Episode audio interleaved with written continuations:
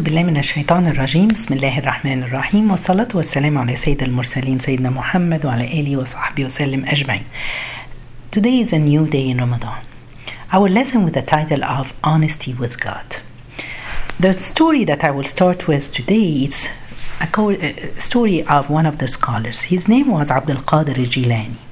He used to live in Iraq. When he was 16 years old, he wanted to go to Mecca to seek knowledge.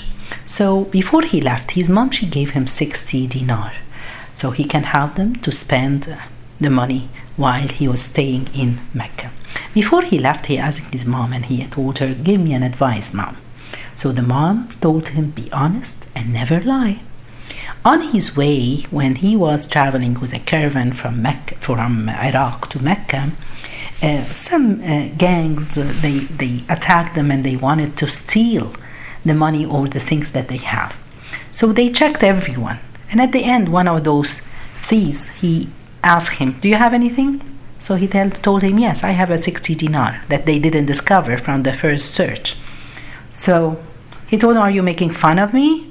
We checked your stuff," and then he took him to his boss. So when he told him he's making fun, when I asked him, "Do you have something?" he said that he has sixty dinar. So the the the big boss of the thieves he, he asked him, "Do you have money?" He said, "Yes." So he told him, "Bring them." So he took them out, and he gave it to him. So that, that he was surprised, and he told him, "Why did you say that? Why did you tell us we didn't see those money?" He said, "Because I promised my mom that he would never lie, and I don't want to break my promise to my mom." So, Subhanallah, the gangs they started to cry and they said subhanallah you don't want to break your promise to your mom. And we break our promise with allah subhanahu wa ta'ala. We want to bear witness that really you are a good person. Let's and we want to repent to allah subhanahu wa ta'ala. And they decided to go with this caravan to mecca to study and learn about religion. So what i want to say here look at this person a young man 16 years old and he wanted to be honest. So let's talk about honesty, subhanAllah. Honesty as Allah subhanahu wa ta'ala, this is something, it's a manner that is very important, and we have seen it with the Prophet, peace be upon him. He was known even before Islam, the most trust, trustworthy person. He was honest with everyone. Allah subhanahu wa ta'ala in the Quran, He said, O you believe, fear Allah and be among those who are truth, truthful. We want to be truthful with Allah subhanahu wa ta'ala. Sidq, being honest with Allah subhanahu wa ta'ala. This is something that we all have to work on. They said that there are three types of honesty. The number one is honesty of your heart. What does it mean? All of us who are believing in Allah subhanahu what do you have inside your heart towards Allah subhanahu wa ta'ala? Be honest in what you say, which goes to intention. When you're doing something, do it for the sake of Allah subhanahu wa ta'ala. In your heart, this is a kind of honesty of the heart. Another example, subhanallah, of the honesty of the heart, what you have inside, it's exactly what you have outside. We don't have anything, you don't admire uh, uh, hatred or envy to anyone around you because it doesn't go together. To be a believer in your heart and having those uh, hatred inside your heart, it doesn't go. Subhanallah. So this is the first type of honesty, honesty of the heart. The second type of honesty, honesty of your deeds. which it doesn't matter. Your deeds between you and Allah, in your prayer, in your fasting, in your sadaqah, in your zakah, all these things. Be honest in what you do to Allah subhanahu wa ta'ala. Your action. Being honest between you and other people. You have to be a trustworthy person. Subhanallah, another story. It's one time a CEO of a big company. He decided he gathered all his uh, worker and uh, employees and he had uh, he talked to them and he in a meeting and he said you know i'm getting old and i need to hire someone to be the ceo for this company by next year the same day i will give you all a job or something to do and i will choose whoever will do the best he's going to be the CEO. And then before they left, he distribute seeds of plants.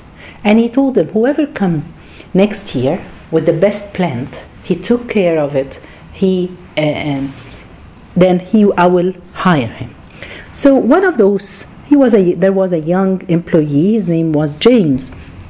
He took it and he went to his wife, telling her the story. So she brought a pot and uh, she started to take care him and her take care of this uh, seed.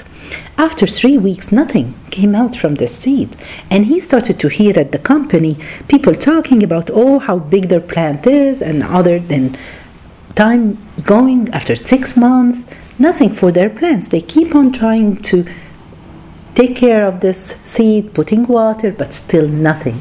And then he told his wife that you know what? Time is getting close now almost a year perhaps i don't think i'm going to go to this meeting. People will make fun of me. But she encouraged him. She told him you did what you have to do. We don't have to lie. You go and say that i try i took care of it but nothing happened and after the year passed the day, they so they had the meeting he went with a plant nothing in his pot, but the other they had very big plants, nice plants with some of flower and so on. And then the, the CEO kept going around checking the plants of everyone, and James was sitting in the back. So after that, he called him to come in the front. So he was ashamed that look at my plant. But the CEO he said, I would like to thank everyone for taking care. Really, you had very nice plant, and the one who is the winner is James. So everyone was surprised. How come? He doesn't have a plant. Nothing came out from the seed. So he said, You know what? I gave you all Aaron seeds.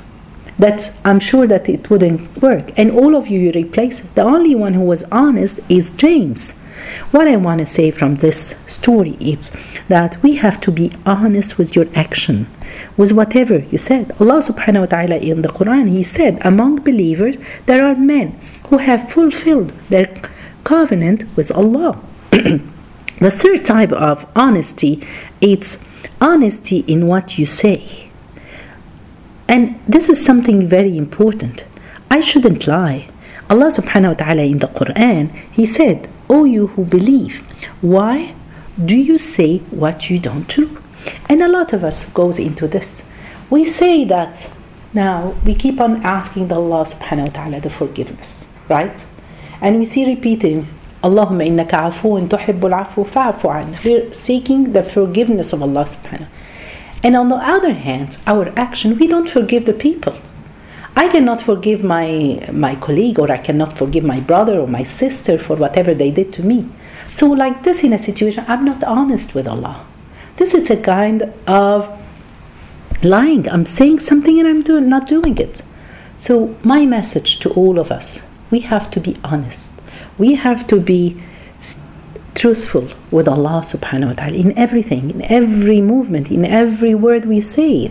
And we have to teach this to our children. Teaching it by showing them, leading them by example, showing them I never say something and I don't do it. We have to, to teach them this because if they're not used to it when they're young, it's not easy. So may Allah subhanahu wa ta'ala forgive us. May Allah subhanahu wa ta'ala make us from those people who's trustful to Allah subhanahu wa ta'ala and honest to Allah. جزاكم الله خير. سبحانك اللهم بحمدك أشهد أن لا إله إلا أنت. أستغفرك وأتوب إليك.